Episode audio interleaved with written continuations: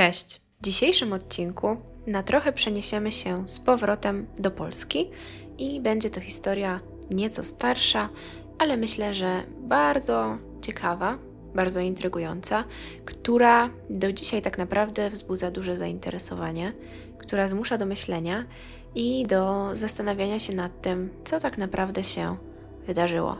Zapraszam więc do wysłuchania. Kazimierz Tarwit przychodzi na świat 9 września 1909 roku w Pskowie. Jego rodzice to Leopold i Leontyna, oboje urodzeni mniej więcej około 1880 roku. Jego ojciec niestety, ale umiera bardzo szybko, ponieważ w wieku zaledwie 34 lat. Kazimierz natomiast dorasta, dojrzewa i kończy studia biologiczne na Uniwersytecie Warszawskim, a do momentu wybuchu II wojny światowej pracuje w Państwowym Muzeum Zoologicznym, którego po czasie zresztą staje się kierownikiem. W 1935 roku bierze ślub ze swoją pierwszą żoną, Heleną Siwicką. Helena także studiowała biologię, a po zakończeniu swojej edukacji postanawia zostać nauczycielką. Para ma ze sobą dwójkę dzieci, y, natomiast ich związek po latach rozpada się, ponieważ dokładnie po 15 latach małżeństwa decydują się na rozwód. Wcale to jednak nie oznacza, że mężczyzna jakoś zaniedbuje swoje dzieci, czy w ogóle się nimi nie interesuje, bo wręcz przeciwnie, płaci regularnie na nie alimenty i e, utrzymuje jako tako z nimi kontakt. Co ciekawe, Tarwit w latach 1940-1944 podczas niemieckiej okupacji czynnie bierze udział w tajnym nauczaniu, a wykłada na Tajnym Uniwersytecie Jagiellońskim i tam skupia się przede wszystkim na swojej ulubionej dziedzinie, czyli właśnie na zoologii. Uczestniczy również w powstaniu warszawskim, jest żołnierzem batalionu Kiliński. Batalion ten składa się z wielu jednostek wojskowych i z wielu jednostek takich specjalistycznych a sam e, porucznik Tarwit dowodzi jedną z nich, dowodzi jednostką produkcyjną. Po zakończeniu wojny zaczyna pracę na Uniwersytecie Warszawskim, a również pracuje na SGGW. I tutaj znowu zajmuje się zoologią oraz ekologią. Pnie się bardzo szybko po szczeblach swojej kariery, ponieważ na początku pracuje oczywiście jako asystent, potem jako adiunkt, a następnie jako docent. Wreszcie w 1954 roku sam zostaje profesorem i konkretnie jest mu nadany tytuł profesora nadzwyczajnego. Jeżeli chodzi o to, czym on się w ogóle tak dokładnie zajmuje, no to na początku skupia się głównie na ochotkowatych, czyli na takich małych owadach, które są bardzo podobne do komarów i należą do rodziny muchówek. Nieco później natomiast będzie się już skupiał głównie na takimi badaniami dotyczącymi już stricte komarów, a także będzie się zajmował teorią ekologii. Kazimierz ma opinię bardzo zdolnego, bardzo ambitnego pracownika, z takim naprawdę przyjaznym podejściem, z takim przyjaznym nastawieniem do studentów. Niektórzy wspominają o tym, że on ma taki problem czasami w przekazaniu niektórych informacji, żeby to tak do kogoś dotarło. Czasami podobno niejasno się wyraża, ale poza tym większość wypowiedzi na temat Kazimierza jest nacechowanych raczej pozytywnie. Nikt się na niego jakoś tam nie skarży, czy nie zgłasza jakichś problemów. W 1951 roku Kazimierz Tarwit jest jeszcze docentem i wtedy poznaje pewną kobietę. Poznaje Teresę Besiekierską, która także pracuje na SGGW. Teresa jest dużo, dużo młodsza od Kazimierza, ponieważ dzieli ich aż 20 lat, ale w ogóle im to nie przeszkadza i bardzo szybko nawiązują bliższą relację. A już rok później, ponieważ w 1952 roku biorą ślub. Co ciekawe, mama Teresy, która swoją drogą również jest pracownikiem naukowym, jest docentem, także jest e, lekarką w Centralnym Instytucie Ochrony Pracy, no nie jest, można powiedzieć, zachwycona tym małżeństwem. Nie jest również zachwycona swoim zięciem. I w ogóle nie podoba jej się aż tak duża różnica wieku, która jest pomiędzy nimi. No w każdym razie chyba tutaj nie ma mimo wszystko zbyt dużo do gadania. Jej sprzeciwy nic nie wnoszą, no bo Teresa i Kazimierz dalej są ze sobą. Zresztą mieszkają razem, a mieszkają oczywiście w Warszawie przy ulicy Nowy Świat pod numerem 52. I mogłoby się wydawać, że ze względu na swoje pozycje naukowe, taką e, bogatą, można powiedzieć, karierę zawodową, no to że wiedzie im się bardzo dobrze, że prawdopodobnie niczego im nie brakuje, e, że mają fajne warunki, ale okazuje się, że wcale tak nie jest, ponieważ mieszkają po pierwsze w bardzo małym mieszkanku, tak zwanej oficynie, mają tylko jeden pokój z kuchnią i no, nie są to chyba dla nich y, najbardziej idealne warunki do życia i do funkcjonowania. Poza tym, y, po jakimś czasie mają także dwójkę dzieci, dwie córeczki, więc no, tak małe mieszkanie na kilka osób może być uciążliwe. Nie wiem teraz, czy tutaj jakoś bardzo Was zaskoczę, ale ich związek również nie należy do najlepszych. Nie jest to jakaś taka bardzo romantyczna relacja, a przynajmniej e, tak opisuje ją otoczenie tego małżeństwa, czyli na przykład ich sąsiedzi. Nie zachowują się oni podobno jak przystało na świeże upieczone małżeństwo. Nie mają tak naprawdę żadnego życia towarzyskiego, z nikim się mm, nie spotykają, a skupiają się głównie na swoich obowiązkach. Jak się później zresztą okaże, wiele sąsiadów powie, że mm, rzadko kiedy, a praktycznie wcale, nikt ich e, nie widział razem, ani na jakimś spacerze, ani żeby gdzieś wspólnie wychodzili z domu, a już w ogóle o jakimś chodzeniu za rękę czy pod rękę absolutnie tutaj nie było mowy. Profesor Tarwit zdecydowanie jest typem pracocholika. On e, pracuje od samego rana do wieczora, a czasami zdarza mu się nawet dłużej.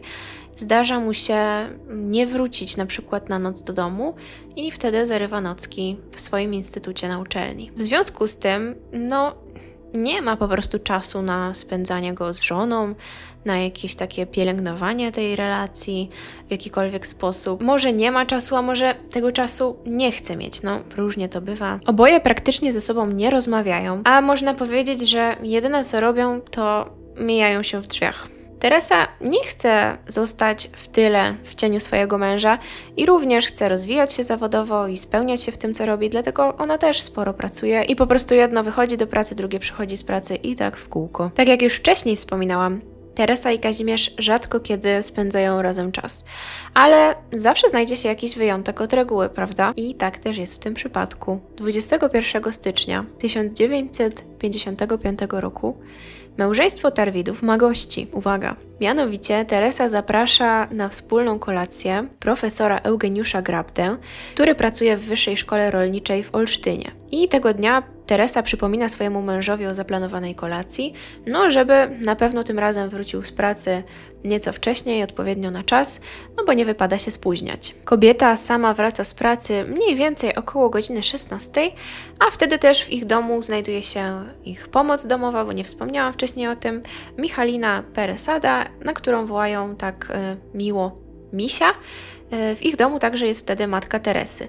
I tutaj ja nie znalazłam informacji, czy one się jakoś wcześniej umawiały, czy jej mama po prostu tak wpadła bez zapowiedzi, bo chciała odwiedzić swoją córkę, czy tam jakąś, jakąś miała ważniejszą sprawę, tego nie wiem. Przed godziną 19 w mieszkaniu państwa Terwidów pojawia się pierwszy gość, profesor Grabda.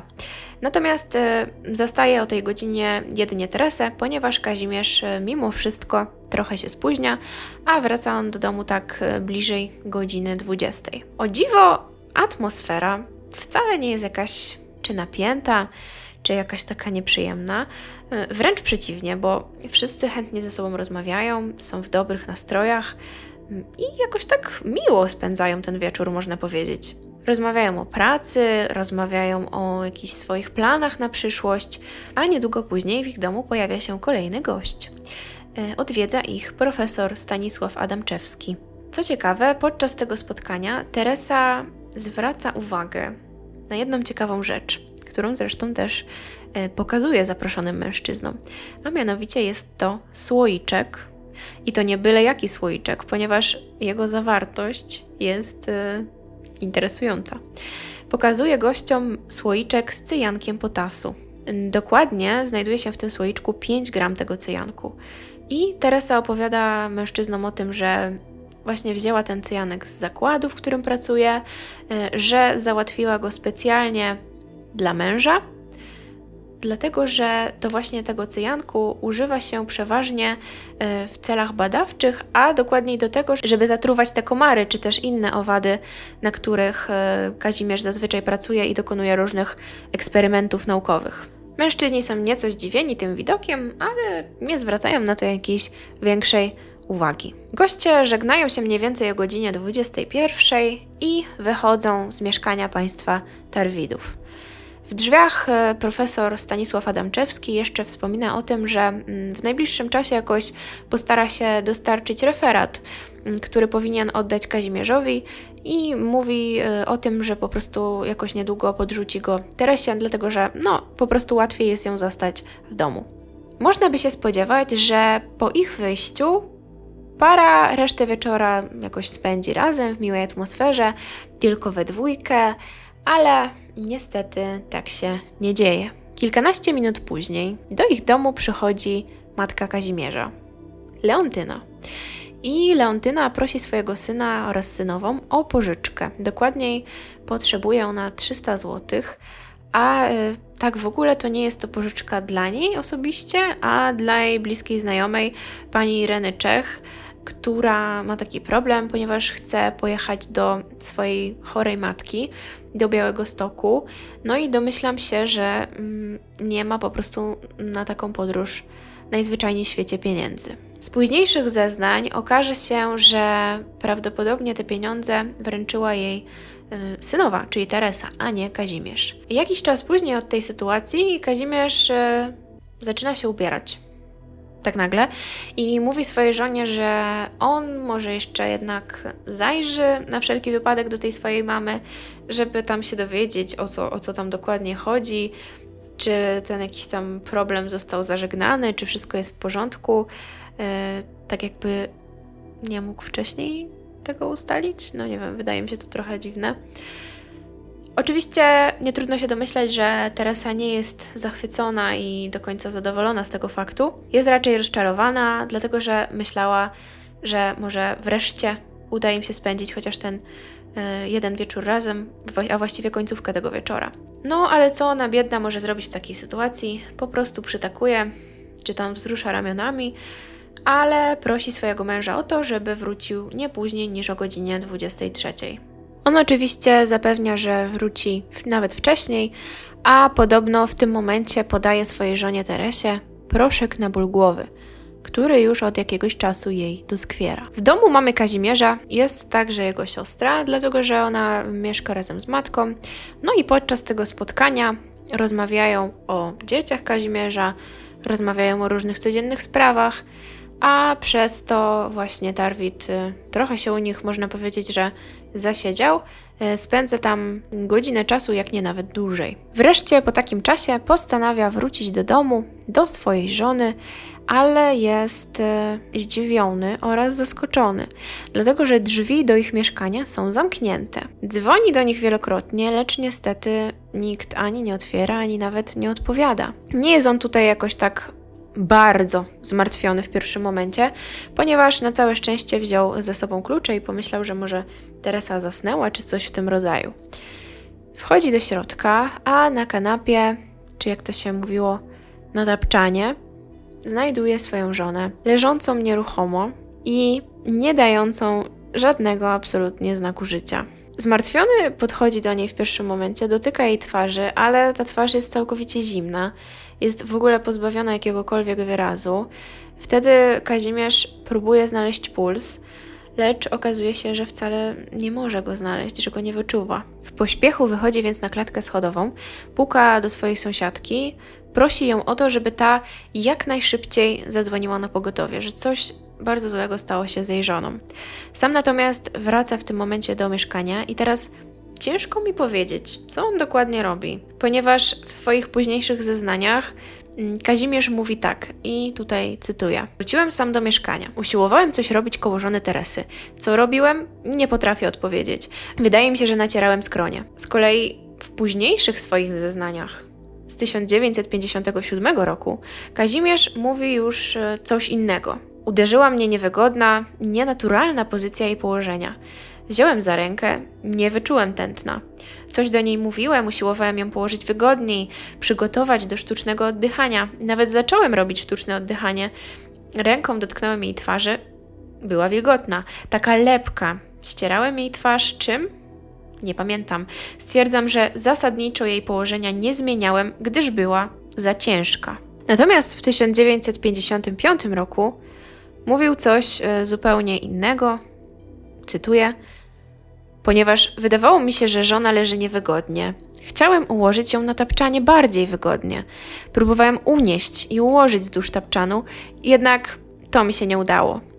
Pozycję jej jednak nieco zmieniłem i pozycja, w jakiej się moja żona znajduje na okazanych mi zdjęciach, jest nieco inna, aniżeli pozycja, w której ją zastałem wchodząc do mieszkania. Jak nie trudno się domyślić, Kazimierz Tarwit bardzo szybko staje się pierwszym i głównym, tak naprawdę, podejrzanym w sprawie tej dziwnej śmierci Teresy. Badania potwierdzają, że przyczyną zgonu jest zatrucie cyjankiem potasu. Sam Kazimierz twierdzi jednak, że jedyne co on zrobił, to podał swojej żonie proszek na ból głowy, a następnie wyszedł jak gdyby nigdy nic do swojej matki. Zapytany o to, co taka trucizna w ogóle robi w ich domu, odpowiada, że no, jest ona im potrzebna do celów tylko i wyłącznie naukowych, a ze śmiercią swojej żony on nie ma absolutnie nic e, wspólnego, jest zdruzgotany tym, że ktoś może go w ogóle o coś takiego podejrzewać. Sąsiadka oraz lekarz zwracają uwagę na to, że Kazimierz w momencie, gdy okazuje się, że jego żona nie żyje, no to on jakoś tak nie wykazuje żadnych emocji, jest bardzo spokojny, ma kamienny wyraz twarzy, w ogóle nie płacze, y, nie uronił tak naprawdę ani jednej łzy, nawet nie wygląda podobno na smutnego. Lekarz, y, kiedy stwierdza zgon, mówi również o tym, że do śmierci Teresy doszło niedawno, ponieważ jakieś mniej więcej kilkanaście minut wcześniej. Tej feralnej nocy Kazimierz zostawia swoje córki u sąsiadki, a sam udaje się do swojej mamy, do swojej siostry, a następnie kierują się do teściowej Kazimierza, czyli do matki Teresy, po to, żeby przekazać jej tę przykrą, bardzo smutną wiadomość o śmierci jej córki. Dopiero następnego dnia rano składa na komendzie swoje pierwsze wyjaśnienia, swoje zeznania i tak jak mówiłam, wersja wydarzeń jest taka, że jego żona pomyliła lek na ból głowy z cyjankiem potasu, a cała ta sytuacja to jeden wielki, przykry, bardzo nieszczęśliwy wypadek. Na YouTubie oczywiście można zobaczyć zdjęcia dotyczące tej historii, ponieważ tutaj znowu je wstawiłam. W każdym razie ciało Teresy 22 stycznia zostaje przetransportowane do Zakładu Medycyny Sądowej, gdzie zostaje poddane dalszym badaniom. I dochodzi także do przeszukania całego mieszkania Tarwidów. Natomiast w tym mieszkaniu nie zostają znalezione żadne ślady, które wskazywałyby na to, że mogłoby tutaj dojść do zbrodni. Nie ma ani jakichś takich śladów walki, czy w ogóle innych śladów biologicznych, które mogłyby potwierdzić udział osób trzecich. Ze względu na brak wystarczających dowodów na to, żeby aresztować Kazimierza w związku ze śmiercią jego żony, śledztwo zostaje umorzone kilka miesięcy później, dokładnie 26 sierpnia 1955 roku. Sprawa ta w tym momencie jest już bardzo nagłośniona ze względu na różne plotki, ze względu na różne domysły czy teorie, a w ogóle ta decyzja o jej umorzeniu wywołuje niemałe oburzenie w społeczeństwie. Wszyscy wierzą w to, że profesor Tarwit na pewno ma coś wspólnego ze śmiercią Teresy i w związku z tym powinien ponieść za to odpowiednie konsekwencje. Podobno główną taką osobą, która rozsiewa te plotki na temat tajemniczej śmierci młodej kobiety i profesora Tarwida jest nie kto inny jak jego była żona. Ta jednak wszystkiemu zaprzecza i zarzeka się, mówi o tym, że jeżeli w ogóle będzie taka potrzeba, to ona może się nawet poddać badaniu wariografem. Tak jest pewna swojej wersji. Co ciekawe, historie, które opowiadają ludzie, dotyczą tego, że Kazimierz już od dłuższego czasu miał liczne romanse ze studentkami, że w jego gabinecie odbywają się jakieś orgie i inne tego typu rzeczy. Bardzo szybko jednak ta teoria zostaje obalona, ponieważ okazuje się, że mm, te plotki rozpowiada pracownik uczelni, z którym Kazimierz jest, można powiedzieć, że w nie najlepszych stosunkach. Plotki także rozpowiadała sprzątaczka, która widywała studentki pod jego gabinetem i dopisywała sobie do tego już e, swoje podkoloryzowane historie. Oprócz tego wszystkiego, opinię publiczną podburza fakt, że po śmierci Teresy Kazimierz dosyć szybko wchodzi w nowy związek. To wchodzi w ten związek ze swoją asystentką Elizą, a jakoś bardzo się podobno z tym nie kryje. Chodzą też takie pogłoski, że podobno nowa partnerka zaszła nawet w ciążę, lecz ją usunęła. Ale tutaj znowu nie ma sprawdzonych informacji, a są jedynie plotki. Biorąc pod uwagę olbrzymie zainteresowanie ludzi i to, do jakich rozmiarów urosła ta sprawa, Rok później, czyli w 1956 roku, śledztwo zostaje wznowione. 11 września Kazimierz Tarwit zostaje wreszcie aresztowany w związku z zabójstwem Teresy Tarwit.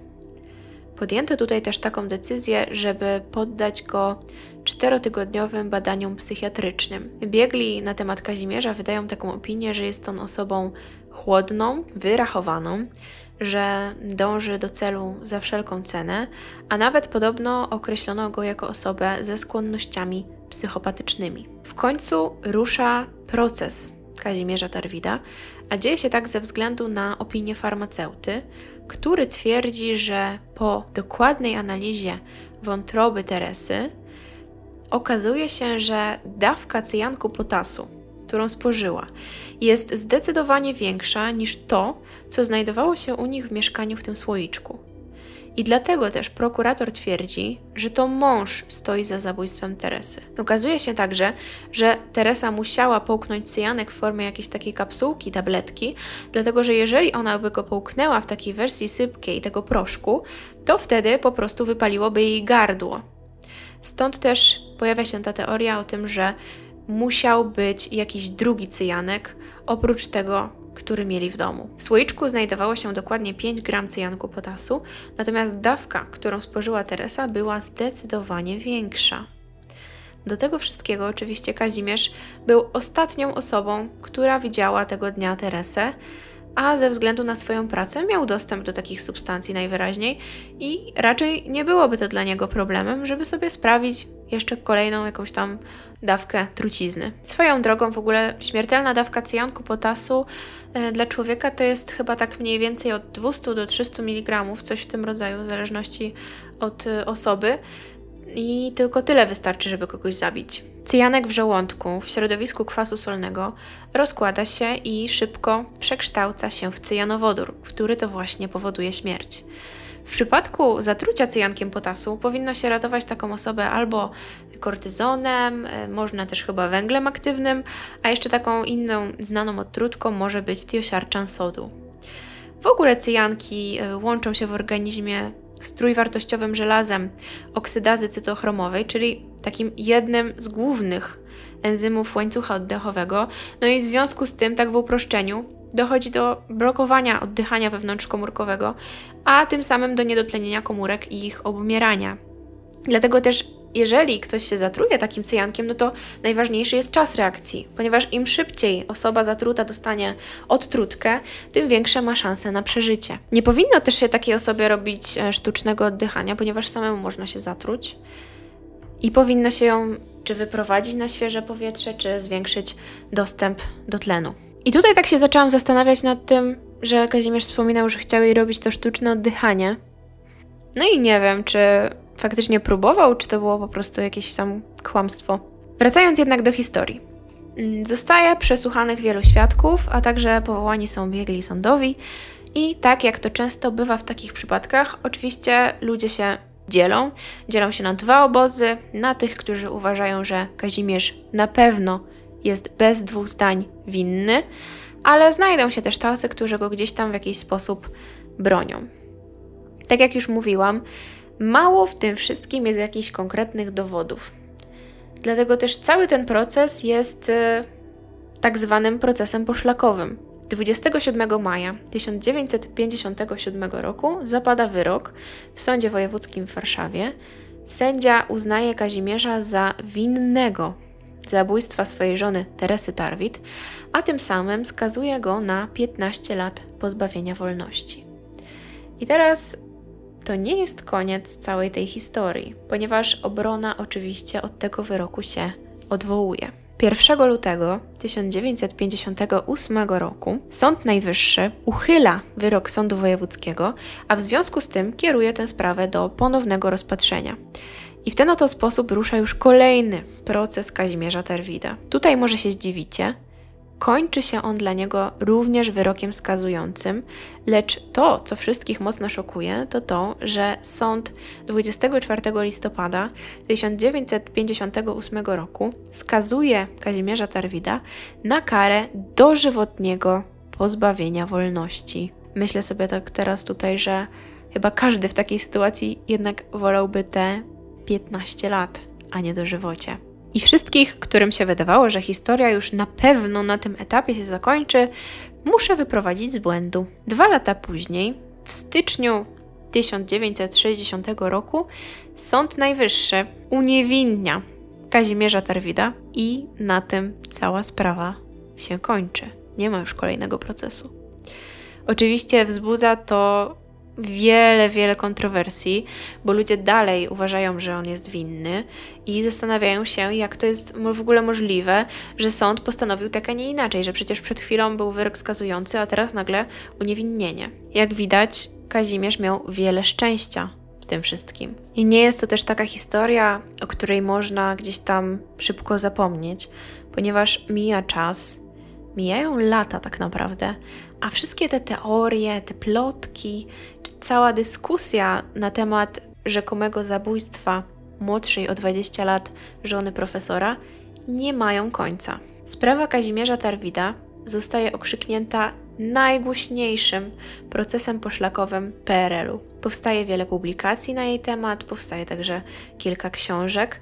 Natomiast sam Tarwid umiera w 1900 1988 roku w Warszawie, mając 79 lat, i zostaje on pochowany na cmentarzu brudnowskim w Warszawie. Przez, przez 28 lat swojego życia po uniewinnieniu, przez cały ten czas musi się mierzyć z ciągłymi komentarzami na swój temat, z oskarżeniami, z takim wytykaniem palcami. No, wyobrażam sobie, że po takim czymś bardzo trudno jest na pewno ułożyć sobie życie na nowo i jakoś tak nie przejmować się opinią innych na swój temat. Zacytowane przeze mnie wypowiedzi profesora, a także wiele ciekawych i cennych informacji znalazłam w fokusie śledczym, ponieważ nie miałam ostatnio co czytać, kiedy jechałam pociągiem, więc na dworcu kupiłam sobie tę gazetę, e, no i tak sobie czytam w tym pociągu i znalazłam w tym numerze fragmenty książki Jarosława Molendy. Książka nazywa się Profesor i Cyjanek.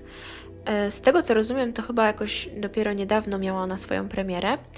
Ja mniej więcej tę historię znałam wcześniej, ale e, nie miałam absolutnie pojęcia o niektórych szczegółach tej sprawy.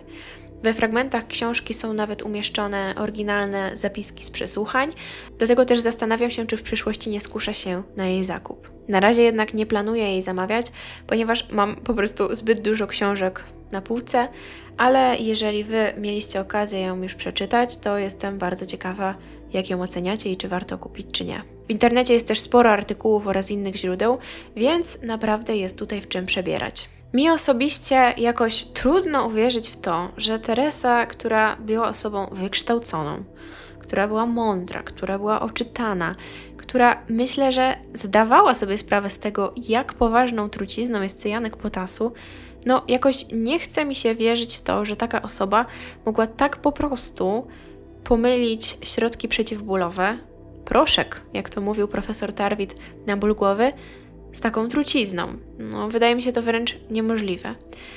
Bardziej przemawia do mnie kwestia, że jednak ktoś albo podmienił słoiczki, albo specjalnie otruł kobietę w jakiś inny sposób.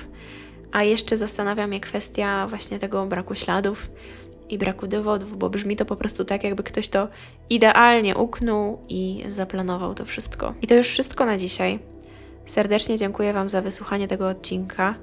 Jak zwykle zapraszam do komentarzy, do podzielenia się swoim zdaniem czy swoją opinią na temat tej historii.